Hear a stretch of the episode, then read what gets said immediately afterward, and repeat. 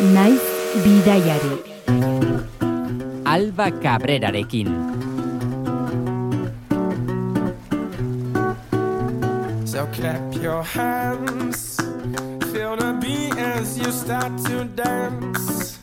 Hear that rhythm as you take your stance. Feel the love and romance. Mm. And stomp your feet. Just bounce to the beat. Taste that rhythm, take hold so sweet. Feel the love as we dance. Mm. Kaixo entzule eta ongi etorri naiz irratian abenture eskaintzen diegun tarte honetara. Etapa berri bati ekingo digu gaurkoan eta saio honetarako zita bidaia zale amorratu batekin egingo dugu. Olatz goia, ze moduz? Kaixo, oso ondo, zuzer moduz. Ondo, ondo, zuentzuteko prest.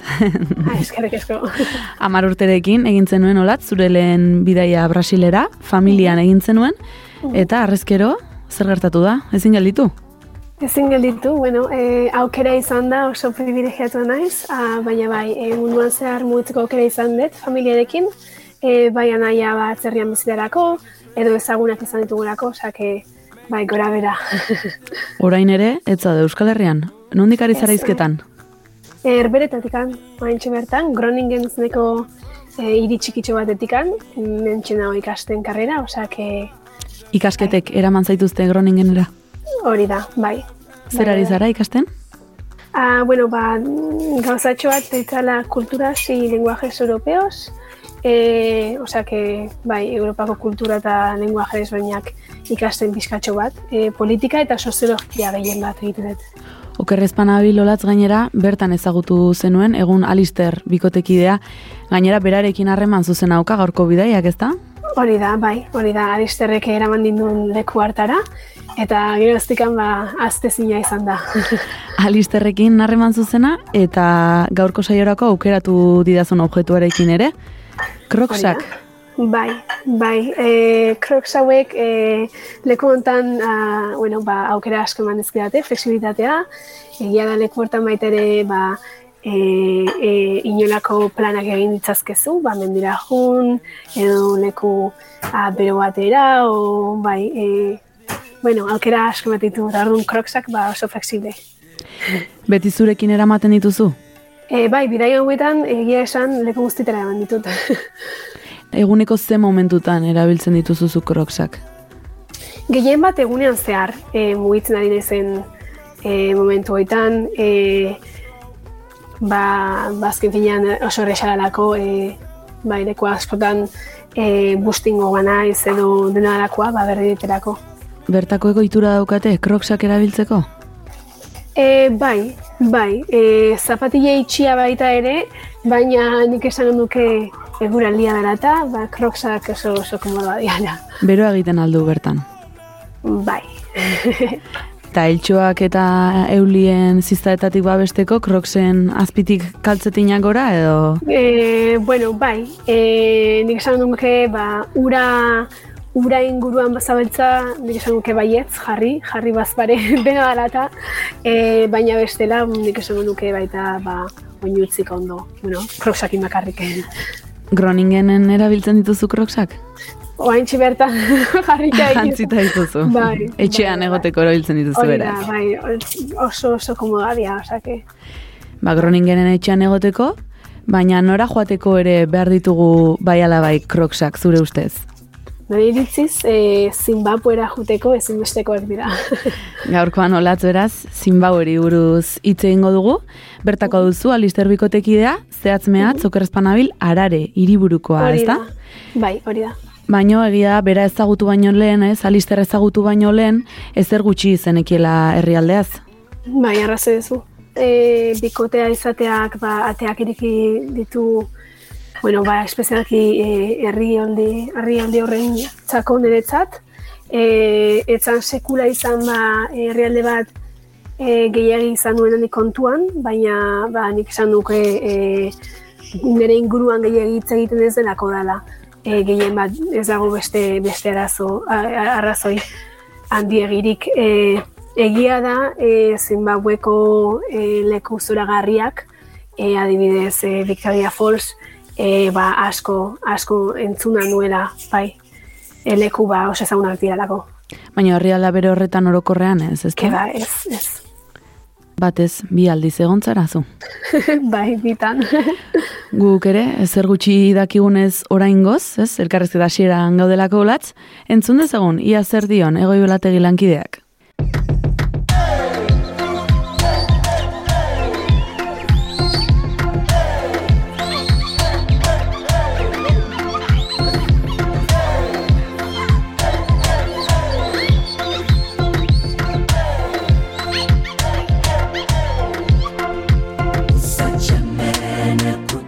Doinuak entzun da zuetako gehienok asmatuko zenuten bai Afrikara bueltatuko gara naiz bideiarin. Hegoalderantz joko dugu gaur Zimbabue ezagutzeko.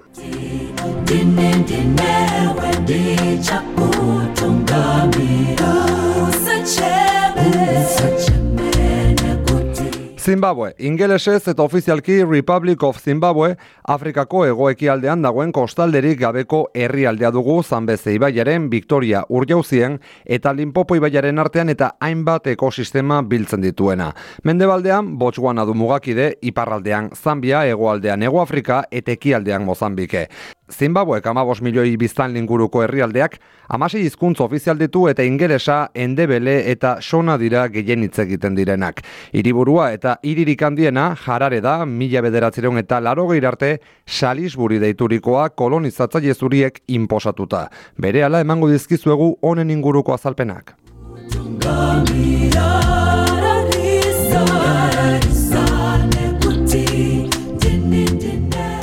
Hamaika mendetik aurrera, butua, rozbi eta monomotapa erresumek agindu zuten eskualdean emeretzi garren mendearen amaieran, Ego Afrikako Britainiar konpainiak lurraldea bere gain hartu zuen arte. Aurretik ingurua esploratzen ibili zen Cecil Rhodesen omenez koloni horri Rhodesia izen emango zioten, et izen horrenpean herrialdean gehiengo zabala osatzen zuten herritar beltzak bigarren mailako bihurtu zituzten. Ego Afrikak bezala, Zimbabwek ere bere apartheid propioren aurka borrokatu behar izan zuelako. I believe that there is some racial discrimination in Rhodesia which is desired by both our main races and is advantageous to both our main races. This is because of their different cultures, their different traditions, their different ways of life. Supremazismo zurian sustengatutako Rodesiako Errepublikako lehen ministro zen Ian Smith entzun dugu ziurtatuz, banaketa bi arraza nagusiek nahi zuten zerbait zela. Ez dago esan beharrik berak zurien izenean hitz egiten zuela. Irurogei garren amarkadan independentzia lortu ostean, Ego Afrikaren gixara gutxiengo zuriak botere hartu eta pertsona beltzak baztertzeko erabateko neurriak ezarri ziren. Nazioarteak era bat isolatu zuen arren kasiko gehi urtez mantendu zen erregimen hau.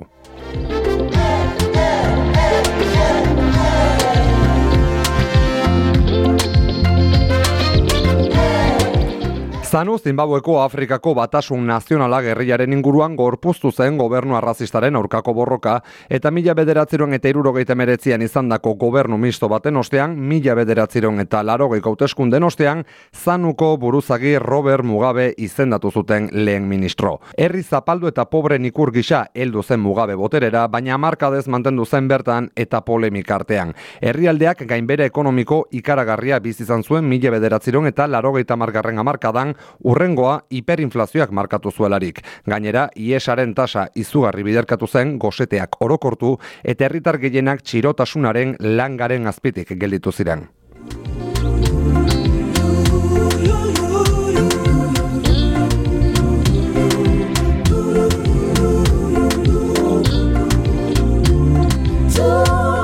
Bimila eta margarren amarkadatik egoera ekonomiko hobetu zen bai, baina mugabek boterean jarraitu zuen ofizialismoaren presioak presio bimila eta mazazpirarte. Comrade R.G. Mugabe and his family are safe and sound and their security is guaranteed.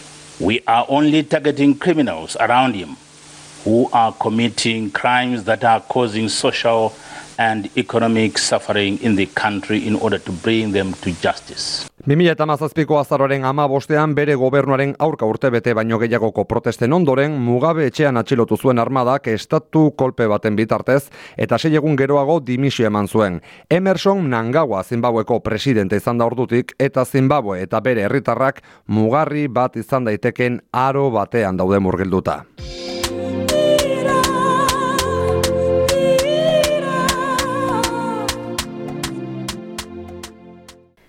Bidaia bat egiten duzun bakoitzean olatz, espektatibarik ez edukitza izaten da zure gozamenerako gakoa, ez da? Bai, nik uste dut pentsamendu horrekin juteak asko laguntzen duela azken finean, ba, inolako espektaziorik ez izateak. Bai, e, atze, ikuste duzun gauza guztiak, esperientzia guztiak oso freskoak dira eta nik esango duke, ba, esperientzia hori lehen duotikan pentsatzeak segurazki ba, gauza, gauza asko aldatuko zitula. Espektatiba alik eta txikienekin abiatu zinen hortaz ara, zinbauera, esan dugun bezala, behinez, birritan izan zara, lehen apur bat ez, e, kutsu turistikoago hartu zuen lehen bidaiak, eta bigarrena, ba, gehiago, ba, aldizterrekin, e, bikotekiarekin, eta bere familia naiz gertukoekin egoteko. Bai, hori da, hori da. E, lehenengo bidaian, ba, e, herrial, bueno, herrialdean e, zehar nahiko bidaia egin dituen, e, iri handinetara, eta egia esan zoragarri izan duzan, baina oso bidai aktiboa.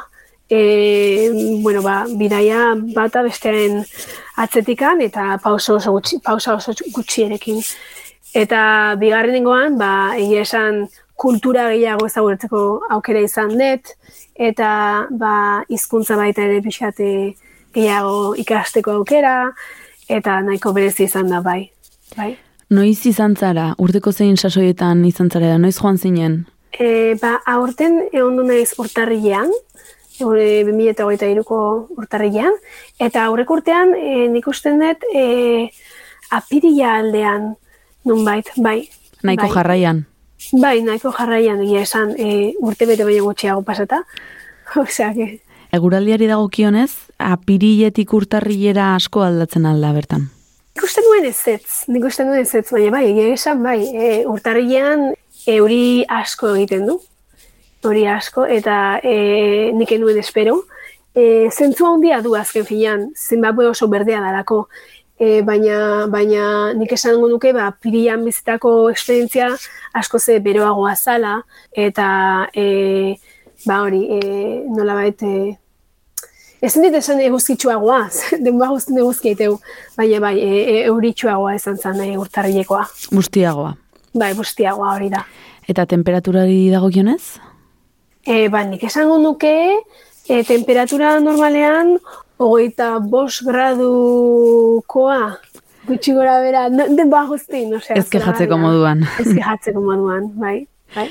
Araren lur hartu zenuten, hiriburuan bertan, eta lehenengo bidaian horixe izan zen zuen kanpo basea, ez da? Mhm, Hori da. E, Alister bertakoa da, hor, beraz hori izan gure gure gelditzeko eta lasaioteko gunea. Eta saltoak egiteko ere. Hori da, bai, bai, bai. Herri, herri batetik o hiri batetik beste batera. Ararera aiatu beraz, baino ziztu bizian biharamunean martxa egin zenuten. Norantz jo zenuten, nolatz?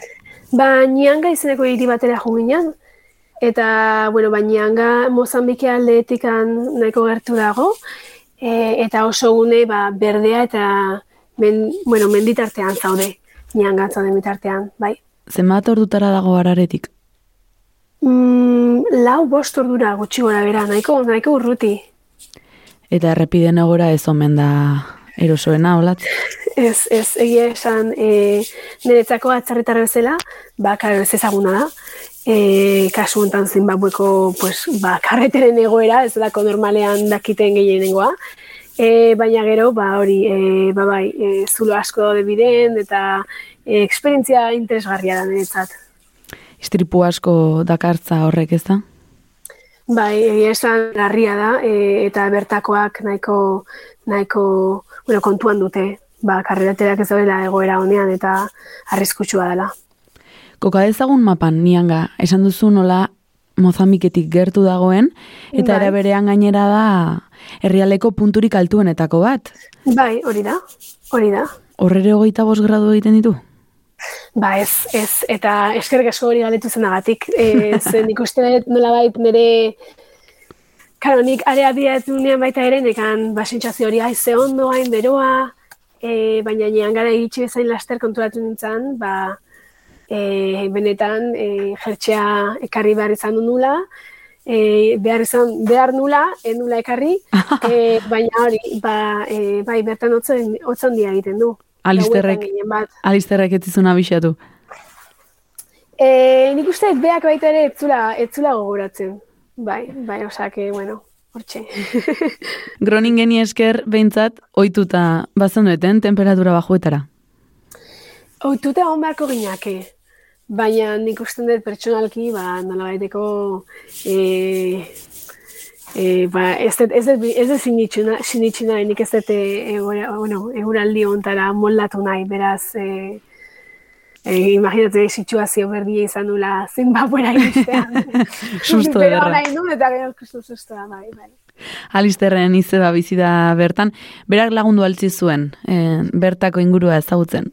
Ba bai, e, han bertan dauden e, inguruetan, e, ba beak nahiko, nahiko, beha nahiko jakindua da, e, zentzu hortan, eta ba e, bertan dauden e, ur jauzi batzuek e, erakutsi zizkigun, eta mendian inguruan e, pues, e, gauzak ikusi ahal izateko aukera eman zegun berak. Mendia diozunean, ze fauna da flora aurki daiteke niangan. Ba, niangan nik esan nuke, ba, bida, ba, zuaitz asko, leku askotan. E, eta zuaitz desberdin asko.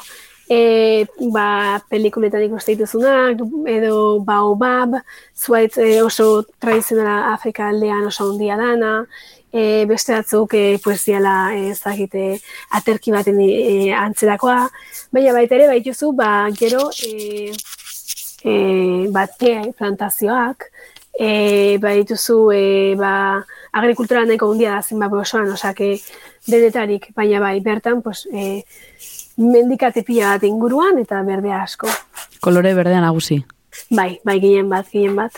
Urjauziak esan duzu, mutarazi urjauziak dira, ezta? Hori da, hori da, mutarazi, bai. Gertutik ikusteko aukera izan altzen nuen. bai, bai, bai, eta zoragarria izan duzan. E, nire begiek e, gauza guztiak proses- prozesatzeko nahiko denbora behar izan du zuen, zuen zuten, bai.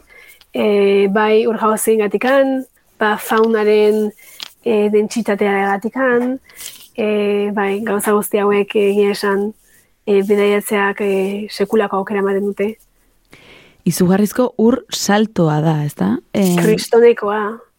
eta soinua egiten Ba. aldu horrek. Ba, soinua egiten du, bai, egiten du. Baina nik uste dut, e, justu, ba, Zimbabuen e, beste lekutxo bat badagoela, baita ere, e, e, askoz ez ere, ba, ondiagoa dela soinu hori. Baina, bai, e, e, nik uste dut, e, mutarazin e, gauza, ba, ikusgarriena izan duzana zan, e, ba, urjauze hauek e, eroitzen diranean, ba, sekulako, sekulako distantzia dagoela, e, ba, urjauzetikan, bueno, ba, beraino. E, nik uste bosteun, bosteun metro edo. Gainera, trokarte hortan, barranko hortan, badago alde batetik bestera joan alizateko, zubi nahiko estu bat. Bai, bai, bai, bai. Zubia dezu eta baita ere, ba, e, tirolina tipo, tipoko gauzatxo bat baita ere. Eta zubiak probatu. Nik biak probatu ditun. Han izan da biak probatu behar ziren. Adrenalina zalea zara beraz. bai, bai, bai. Eta ze, zelako sensazioa da? Nik uste net sentsazioa, e, ba, ba ez dakit, ez dakit ezin esplikatu. E, beldurra sentitu nahi nuen, baina nik uste dut e, horren bestekoa zan, ikusten nuna nire inguruan. Prozesatzeak, e, beldur hori nolabait ba, alde bat utzizun, eta ba, nolabait ba, nire, bueno, hau irikita, e, ba, flipatzen. Gehien bat. bai, bai. Tirolinaren zeharkaldi hortan, zer ikusten zenun berantz begiratu ezkero? Ba, hor jauzia erotzen, pum, dena, beraino. Bai, bai, bai. Bertigorik ez? Bai, seguru, seguru, nik uste gauza asko pasa zitzaizkitela burutikan. Txiki sentitzen alda bat horrelakoetan. Bai, bai, txiki sentitzea, nik usten dut, baina aldi berean horren horren zoragarria da esperientzia, nik uste eh, oso oso berezi sentiarazte zaituela baita ere. Erriskak ezagutzeko aukera ere izan zenuen, erriskak diogunean nolakoak irudikatu behar dituguan. Oso bizitza ba, organikoa, oso bizitza organikoa e, e, naturarekin kontaktuan, konstante, eta e, ba, komunitate zoragarri batekin, esan ondukenik, bai. Lehenengo jauzia zoragarria izan zen, nianga izan zen zure etapan lehenengo geldialdia, Mhm. baina gerora etorri zirenak ere itxundituta utzi zizuten. Behin bizpairu egun igaro niangan, naturarekin harreman zuzenean, eta hiriburura berriro iritsi eta nora izan zen, urrengo saltoa. Urrengo saltoa karibara izan duzan. Karibak ere gertu dauka natura. Bai, bai, oso gertu. Kariba, kariba da natura. Gehien bat, bai, bai. Zimbabweko turista asko, beraiek baita ere em, kariba aldera bidaia egiten dute nahiko konstante. E, eta gero atzerritarrek ba, baita ere e, sekulako aukera dako. Gune turistiko importante alda. E, nik esango nuke baietz, bai, nazionalki bai. Eta zer du berezitik jende askoren arreta bere ganatzeko? Ba, nik uste dut e, arreta horren, horren arrazoia dela, ba, e, natura, naturan sartizela e, guztiz, eta komplet, por kompleto, bai, bai. E, animaliak, e, nik sekula imaginatuen dituen animaliak ikusteko aukera izan duen, eta gainera, e, beraien ba, habitat naturalean, e, beraien bizitza bizitzen, e, alik eta gutxi, gutxien molestatzen saiatzen, ba, e, bertan aukera hori dezu. E, beraiekin ba, bat egiteko eta eta disfrutatzeko.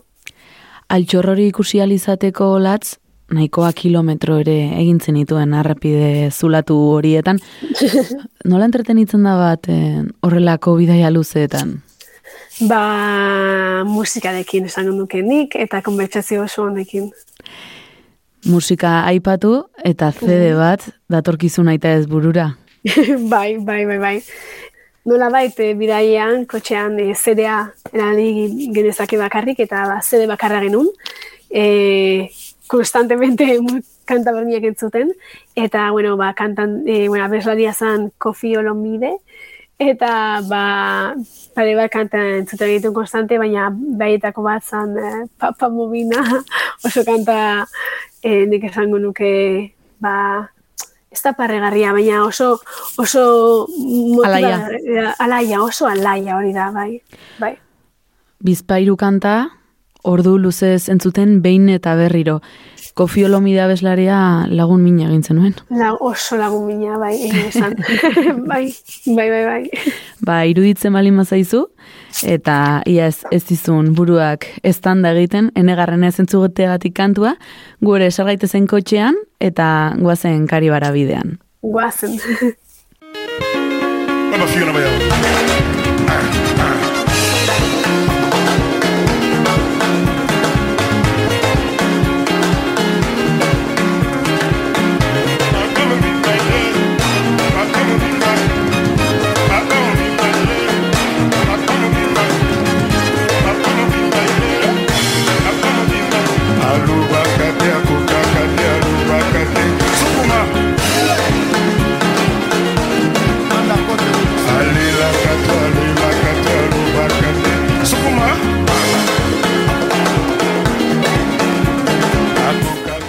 Errepidean, Kofi Olomideren laguntzaz aurrera eta aurrera egin zenuten, baino eguzkia jetxi eta berandutu egin, zaizu, egin zitzaizuen iundu egin baitzen. Zuek autoko erritmoa jetxi zenuten, ba, lehen aipatu dugun errepideko zulo eta baldintzak askarrak alik eta onduen saiesteko, eta aranon, karibara iritsi iristeko kilometro gutxi falta zirenean, ongi etorria egin zizuen laguntxo batek. Bai, ongi etorri zoragarria, sekula espero ez nuenekoa, nuena, e, ba, leopardo bat ikusi genuen. Leopardo Eh, bat. Bai, bai, kotxan gindoa zela, e, argiak basu-basu, bagenekilako bertan animalia asko daudela ja, e, gaua zan, beraz e, animalia hauek ja baien kabuz ba, e, jatera edo bueltatxo bat ematea joten dira. Eta ba, bai, bertan e, leopardo bat ikusi genuen, e, eskuinaldean, e, eta, bueno, ba, ni nire kristuneko beldurra sartu zitzaiten. Zuen gandik gertu zegoen leopardo hori? Nik esango nuke e, amar metro gehienen, gehien, gehienengo, ja. Eta zer sentitzen da hor? E, ba, nik esango nuke sentsazioa dela, ba, e, ba hori, beldurra eta eta e, ulertezina bezala, bai, e, ulertezina bezala aldi berean, ze nik e, nire begiekin denuen sekula horrelako ezer ikusi. Kotxea horrelakoetan hobe da geldi eukitza edo eta pixkanaka aurrera jarritu zenuten? Momentu hortan, e, ba, leopardua gugatikan oso oso gertu zegoelako, ba, gelditzea da e, dezun aukera oberenetakoa, e, esango nuke nik, eta e, ba, bai, ba, mantxotu, eta eta pixkanaka, pixkanaka ba, bidea hartu berrez ere. Arrezkero, bungalowera iritsi bitartean zure begiak zabal-zabalik zeuden, ea beste Zabal, laguntxoren batek ongi etorre ematen zizun. Bai, hori da, bai, hori da. E, egia esan, e, enuen olako ezer espero, eta gertatu zenean, ba, ba, guztiz aukera hori ikusteko, ba, berriz ere bilatzen nahi nintzen aukera. Berriz, ba, lau, ez beste zerbait, beste animani baten bat. Beraz, leopardo agurtu, ez, atzean Bai. utzi, eta Eta nik esango nuke, ba, mar kilometro gehiago abiatu genitula, eta ba, bidean gindoa zera zerbait ikusi nuen e, karretera bukaeran, eta e, jakin baino lehen, ba, bi elefante ditun gure gure frentean. errepidearen erdi erdian. Errepidea gurutatzen ari ziren momentu hortan, bai.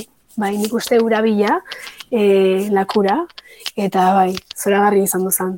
Beste behin, e, beldurra eta eta sentsazio guzti horiek e, e, kontrolatzen. Hortxe beraz, bigarren sorpresa, lehenengo leopardoa, eta bigarren, elefanteak. Elefanteak, hori da. Haze hasiera ez, karibara iristeko. Kristonekoa, kristonekoa, iritsi baino lehen. Iritsi baino lehen. guzti hauek izatea, nahiko, nahiko, bai, zoragarri izan duzan. Biharamunean, lakuan murgildu zinaten. Karibako Hori da, lakuan. Bai, bai, kristoneko lakua dela, e, azkenean Karibe, e, Kariba e, Zambiatikan oso oso gertu dago. E, eta ba, bertan laku hortan, e, ba, e, e, egun pasa junginan, e, lakua ikustera, eta ba, e, baita ere, e, baita ere ba, arrantzatzen ibili, ginen bertan, bai. Kurioso da gainera, laku artifiziala da, eta munduko urtegirik handiena omen da. Mhm, Hori da, erraldoia. E, behiekin ikusita, e, e, gitazkoa ez dela sinistendeko zaila da. Gainera irlatxuak dauzka barruan. Mhm, mhm, Hori da, bai, bai, bai, bai. Eta irlatxo horietan jendea bizi da, nolako irlatxoak irudikatu behar ditugu. E, ez, e, pertsonak ez dira bizi e, irla, irla horietan, nik esango nuke gehien bat, ba, animaliak direla bizi dela bertan, ba, o tximuak edo bestelakoak, e, baina bai, e, nahiko txikiak dira egia esan. Segurazki oinez e, alde batetik amestetxora, ba, gehien, gehiagi ziltetekela izango. Bai. Zambiarekin partekatzen duzin bauek, ez? E, kariba lakua, muga Bai. fisikorik ba alda, uretan bertan. Uretan bertan nik esango nuke ez ez. E, ez dago e, muga fisikorik, e, baina mendita zaude e, inguratuta baita ere. Eta azken finean, ba, agian e, eskuinaldean ikustezu mendia, ba, Zimbabwekoa da. Eta ezkerraldean ikustezuna, ba, Zambiakoa da. Era berean, karibako lakuan energia generadore izugarri handia dago. Izugarria, e, generare horrek e, Zimbabwe herrialde osora energia bidaltzen du eta e, ulertu detenez e, Zambiara baita ere. Arrantzatzen ibili zinela esan duzu, bai. zer zu ere animatu altzinen kaina hartzera. Animaitu nintzen kaina hartzera, baina e, zoritxarrez enaiz ni oso trebatua. E, eta, eta bueno, bertan egon nintzen gehien bat e, eguzkiaz e, gozatzen, eta bueno, ba, ura behiratzen, eta, eta animaliak ikusten, bai. Baina alisterrek bai arrantzatu zuen. Alisterrek bai, Alisterrek bai, eta bere, bere arriba bertan zegoen baita ere. Eta e, nik uste e, behaiek bi bakarrik eh, izan zutela aukera. Arrantzatzeko nien eiz horren trebea. Lakuan ordu desente igarota, lur hartu zenuten, eta lur hartzeko ariketa horretan ere, beste sorpresa bat jaso zenuten, hipopotamoak.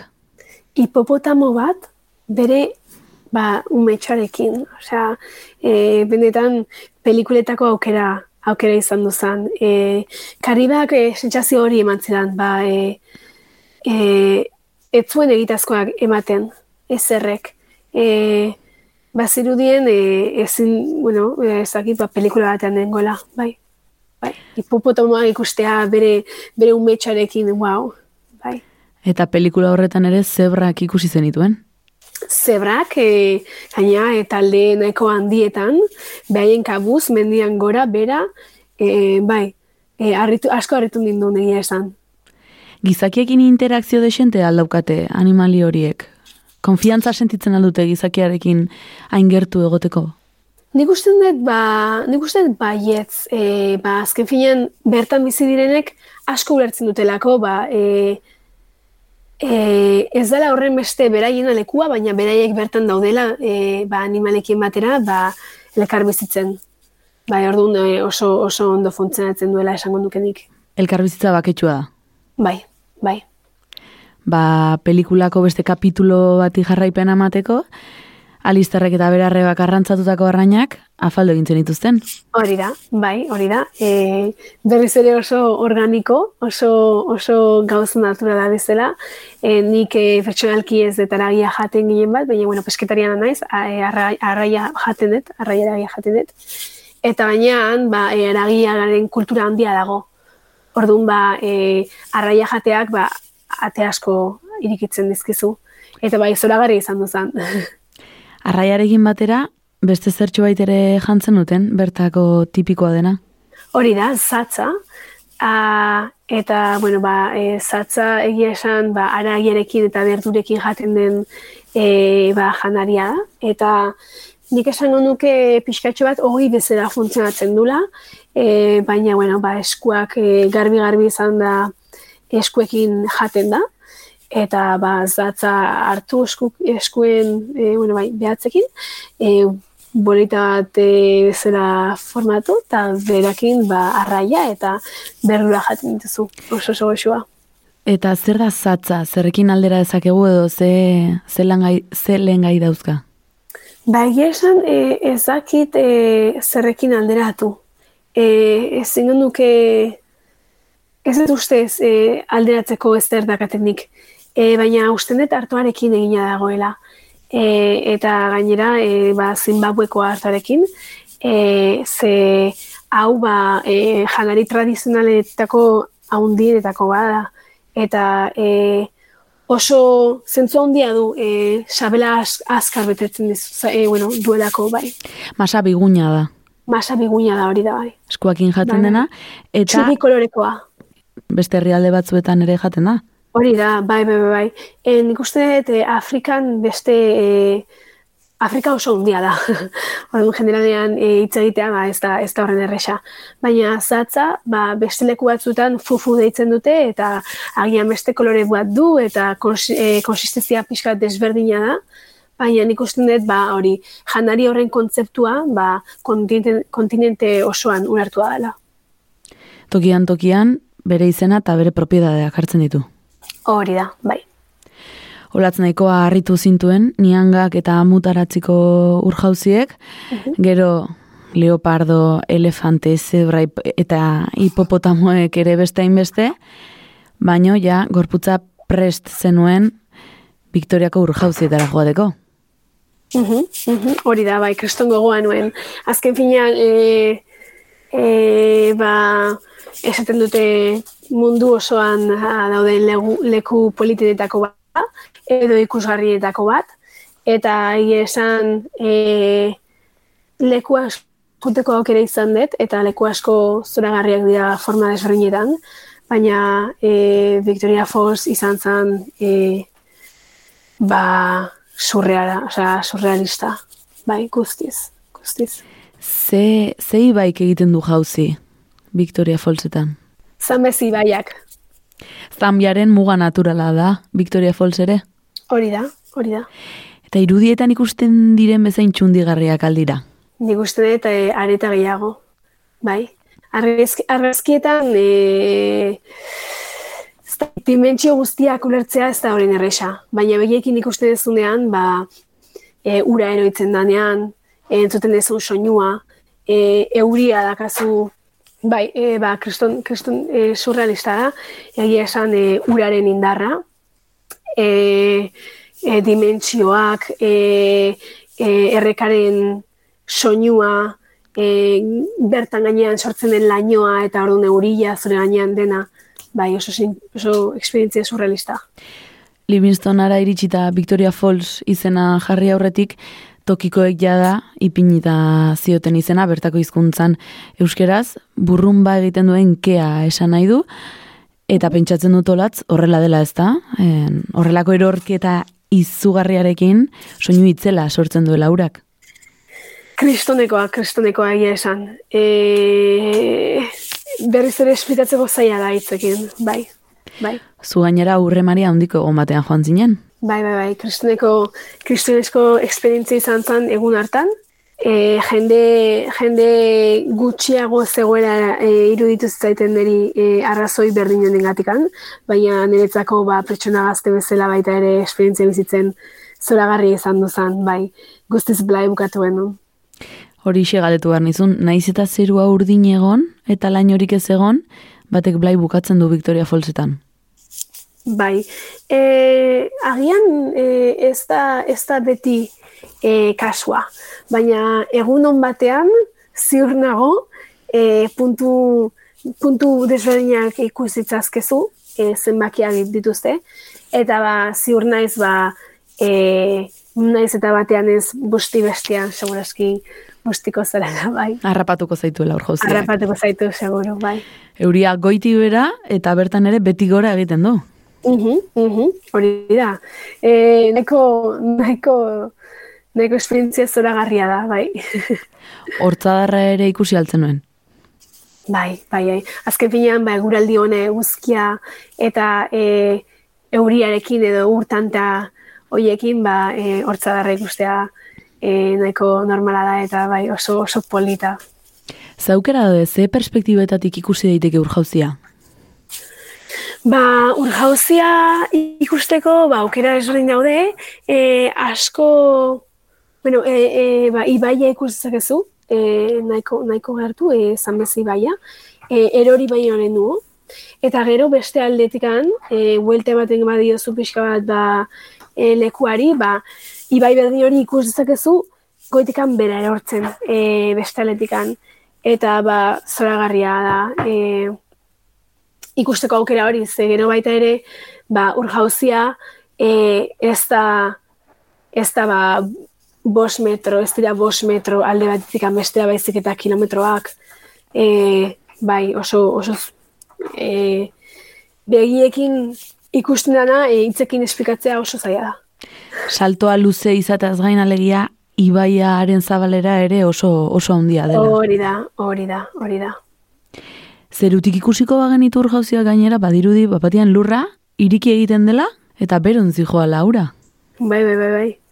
E, oso zaila da, oso zaila da, e, benetan, e, e, esplikatzen saiatzea, e, ur kantitate masibo hauek e, sortzen duten soinua, e, ikusten dezuna, e, azkenean e, sortzen dian, ba hori, e, e, sortzen da mikroklima bat, osea, zaude, e, ateatzean momentuan, e, zona ba, itxi hortatikan, eguraldia zoragarria da, beste hainbat gauza daude gertatzen, soinua entzan, entzun dezakezu konstante.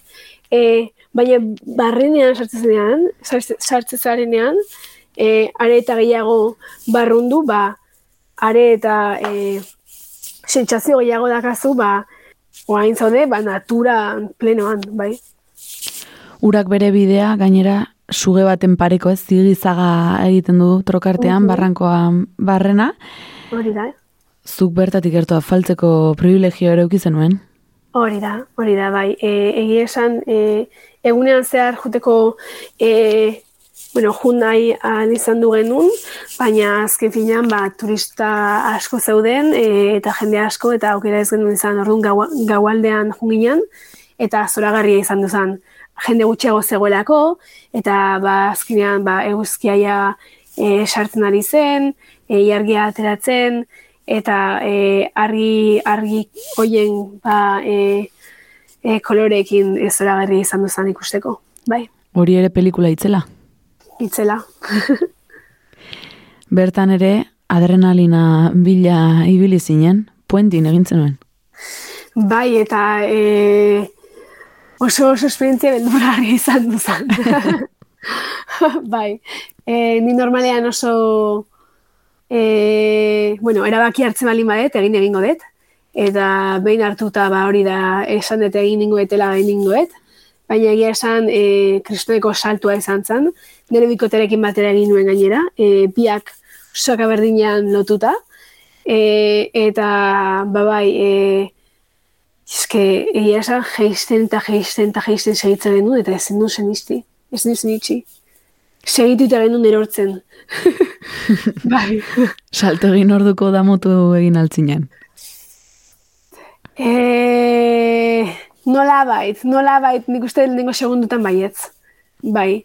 E, lurra bilatze seiatu nintzen nire hankekin, e, ba, hogeita mar segunduz, bai, bai. Nahiko intentsua izan zen. Eta ze izan zan beldurgarriagoa, jeitsiera, saltoa, ala gero igotzeko modua. Igotzeko modua e, enuen espero egia esan. Eta, eta, eta agian nik galdetu egin behar izan duen, eh? e, egin behar nuen, baina bai. E, behin jetxe inala, nik esaten duen, bueno, nola igo gara, bain, tirengo gaituzte, o, o ba, bueno, ba, tiratzen ari aizian, bai, e, soka goraka, baina gero nik eta nire bikoteak, ba, paretari heldu behar izan genion, eta albezela, ba, gora, eta behik bultzatzen zuten bitartean, soka, E, orduan nik esango duke, bai, e, beraka juteak e, nahiko sentsazio bertigo handia eman ziten, baina e, igotzeak, uf, are gehiago. Berriro ere egingo altzen nuke, salto hori. Nik uste baietz. Bai, bai, bai. Enduke ez errelatuko egia esan. Ba, Victoriako paradisuaren lasaitasunetik eta adrenalinatik ere, bapatean, arare hiriburuko kaosera joan zinaten. Bertako da, sortze zalister, hiri oso populatua omen da. Oso oso populatua arare, bai. E, nik usten dut, e, ba, Zimbabuen generalean, e, jende gehienengoa, ba, hirietan bizi dela, e, bost bat hiri handi daude, eta arare, ba, kapitala izanez, ba, oso oso dentsua po- populatua, bai. Ez altzizun talka egin, ez? Nianga, Kariba, Mhm. Victoria, Parke Nazionalak, fauna, flora, berdea eta bapatian zementuzko oian batera saltu ditek. Ba, ba guztiz egia esan bai, baina nolabait, ba, leheno hitzagin bezala e, ararera gento zen, bidai bako, bakoitzetikan, berriz ere beste batera abiatzeko. Orduan, ba, e, ikusteko aukera izan nun e, egun haietakotan, ja, eta eta nik uste dire xarma baduela baita ere. E, desberdina, desberdina, baina kasu honetan ba, baita ere ba, hori jendea ezagutzeko eta kultura ezagutzeko e, iku- i, bueno, sekulako esperientzia da arare, bai. Kaos ordenatua dela diozu arare, zertan ikusten duzu kaos hori eta zertan orden hori? Bueno, ba, kaos ordenatua, e, bai, bai eta agian ez, esan duke dela kaos bat beraiek ezagutzen dutela. E, eta beraiek norma, nolabait ja, e, ba, e, bueno, ba, oitu indiala, e, kaos horta. Eta e, ohituta egoteak, ba, gauzak erresagoak egiten ditu. Baina azken finean, ba, adibidez, gidatzen, e, jende asko gidatzen du, e, kotxeen egoera beti ez da oberenetakoa, jende askok ba, agian ba, kotxearen atzealdean egiten du, bueno, bideatzen du, edo e, jende askoko azkar bideatzen du, e, hiru karrila dauden lekutan norbaitek beste karril bat sortuko du, beharrezkoa balin bada, eta alako gozak bai. Eta kaos horretara ohituta ez dagoen pertsona batek, zuk adibidez, nola bizi izan zenuen, oso estresante alda.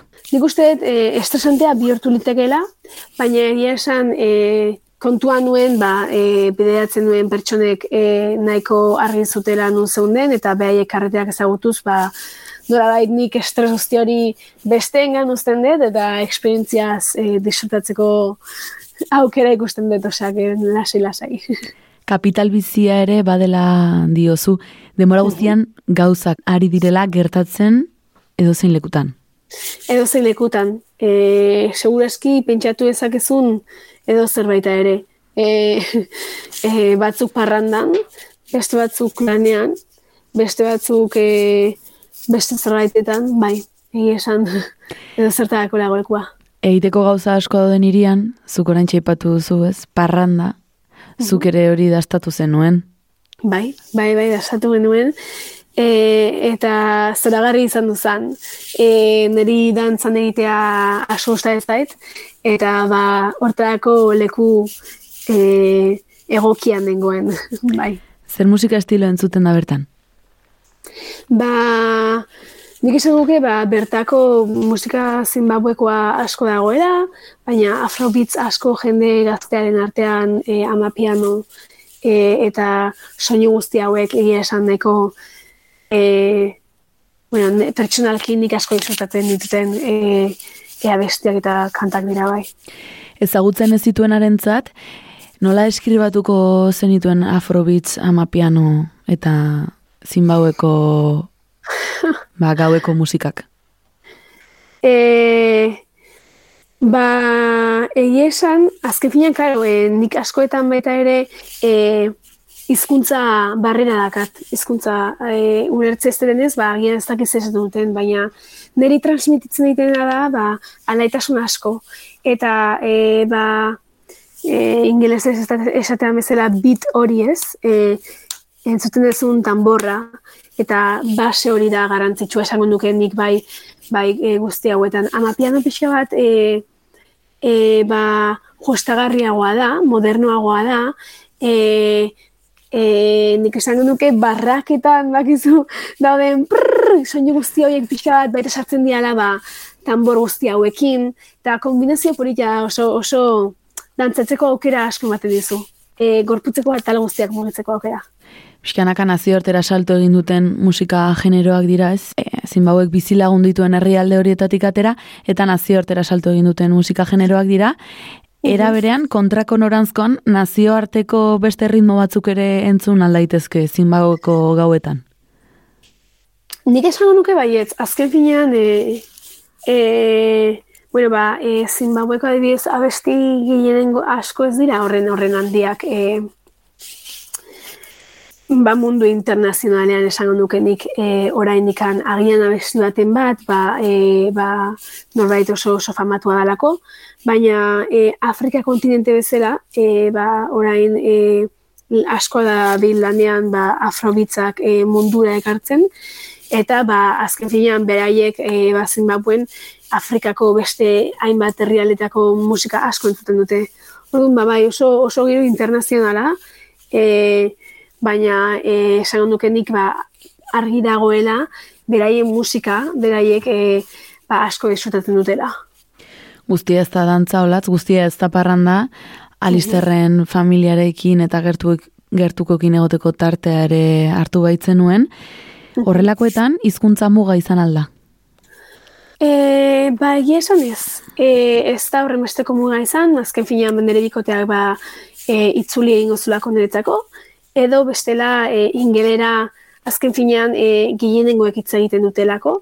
E, Zimbabue kolonia britanikoa izan zen, bere garaian, e, e, mila bederatzen dalaro gehian arte e, independentziatu, bueno, independentziatu zutela. E, duke kombinen artean. e, baina bai, eta gehienengoak ingelera hitz egiten dute. Gelitzen alda Britania handiaren zantzurik, ba, esan dugu ez, ingelesa, gero ikusten da Victoria Falls izena ere ez. Hori da, e, izena, gero baita ere, ba, e, esango nuke nik, e, gidatzen duten, ba, adibidez, gidatzean, ezkerrean gidatzen da, e, hemen ez bezala, edo adibidez, e, ba, e, ikasleek, aukera duten ikasleek, adibidez, e, Cambr- Cambridge e, moduko ikasketak egiteko aukera baita badute, osea, influentzia bertan dago bai guztiz. Ala baina, xona ere presente dago eta indarra handia dauka. Bai, bai, bai. E, eta egia esan horrek e, Zimbabwerekin e, asko konektatzeko aukera eman dit. Nola bai, nik baita ere gure gure etxean berdina ikusten dut ez da. E, ba, gaztelera gehienengoak badakigu. E, baina gero, ba, e, xona eta gure kasuan ba, euskera, e, hizkuntza e, txikiagoak direla, e, baina ere ala eta guztiz ba, oso, oso fuerte mantentzen direla bai. Bai. Hizkuntza gutxitua da, baino kontzientzia handia daukate bertako xona hizkuntza horrekiko. Bai, bai, nik esango nuke baietz. E, e, azkenean bazin babuen, e, ingeleraz gainera dago xona eta gero baita debele, dala bai, a, e, ba, klikak eta ditun hizkuntza eta, baina, bueno, e, bi hizkuntza hauek, e, nik esango nuke behaien, behaien komunitateek, e, ba, mantentzeko lan handia egiten dutela. Bi hizkuntzak dominatzen dituzte, alisterrek adibidez. E, ba, e, horre, hori normalean familiaren arabera da. E, ba, fami, e, Alisterren amaren aletikan e, debele badago, e, hizkuntza eta, bueno, ba, e, area arteko bertakoak dirarako, e, baina gero bere aitaren aletikan, ba, xona. Eta, e, ba, bertan, ba, hori da, kom, kombinazio hori dago, baina nik esango nuke Alisterrek gehien bat xona hitz egiten duela. Eta egoera orokortuta, xona da gehien hitz egiten den hizkuntza. Zimbabuen usten dut baiet. Bai. Beren tokiko hizkuntzari garrantzia emateaz gain, lurrari ere oso lotuta daude eta oso komuna da, ez, e, arare inguruetan, ba, baserriak ikustea. Bai, bai, agrikultura da e, Zimbabweko motorea. E, Zimbabwek e, janari asko produzitzen du. E, naiz eta e, justu araz, e, motibo berdinagatekin baita e, ba, arazo asko dituzte, e, pobrezia asko. Baina bai, e, Zimbabwek e, janari asko sortzen du eta e, baserritar pila badaude, bai. Te plantazioak aipatu dituzu nianga inguruan, arare inguruan, zenolako landaketak ikusten dira?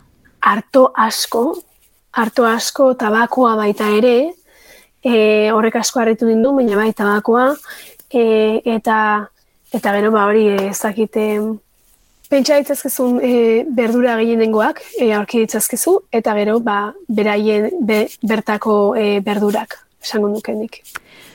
Esan genezake beraz, naturari izugarrizko balioa ematen diotela bi zentzuetan, ez? E, patrimonio gisa, ondare gisa, eta era berean ustiapenerako eta ekonomiaren motor izateko. Arraze zu bai. Bukatzeko latz, zuk Zimbabwera egindako bi jauziak hitz bakarrarekin laburtzen omen dituzu Ubuntu. Ubuntu, bai.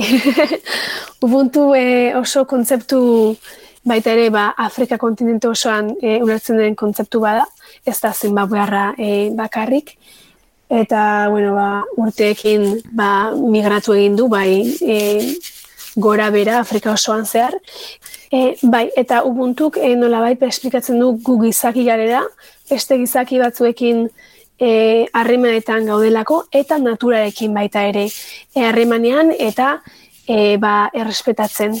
E, eta nik uste dut ba, e, Zimbabwek e, kontzeptu hau e, ulertu ditela, e, lehenu ulertu nezakeen e, ba, nezakeena, baina asko ere gehiago.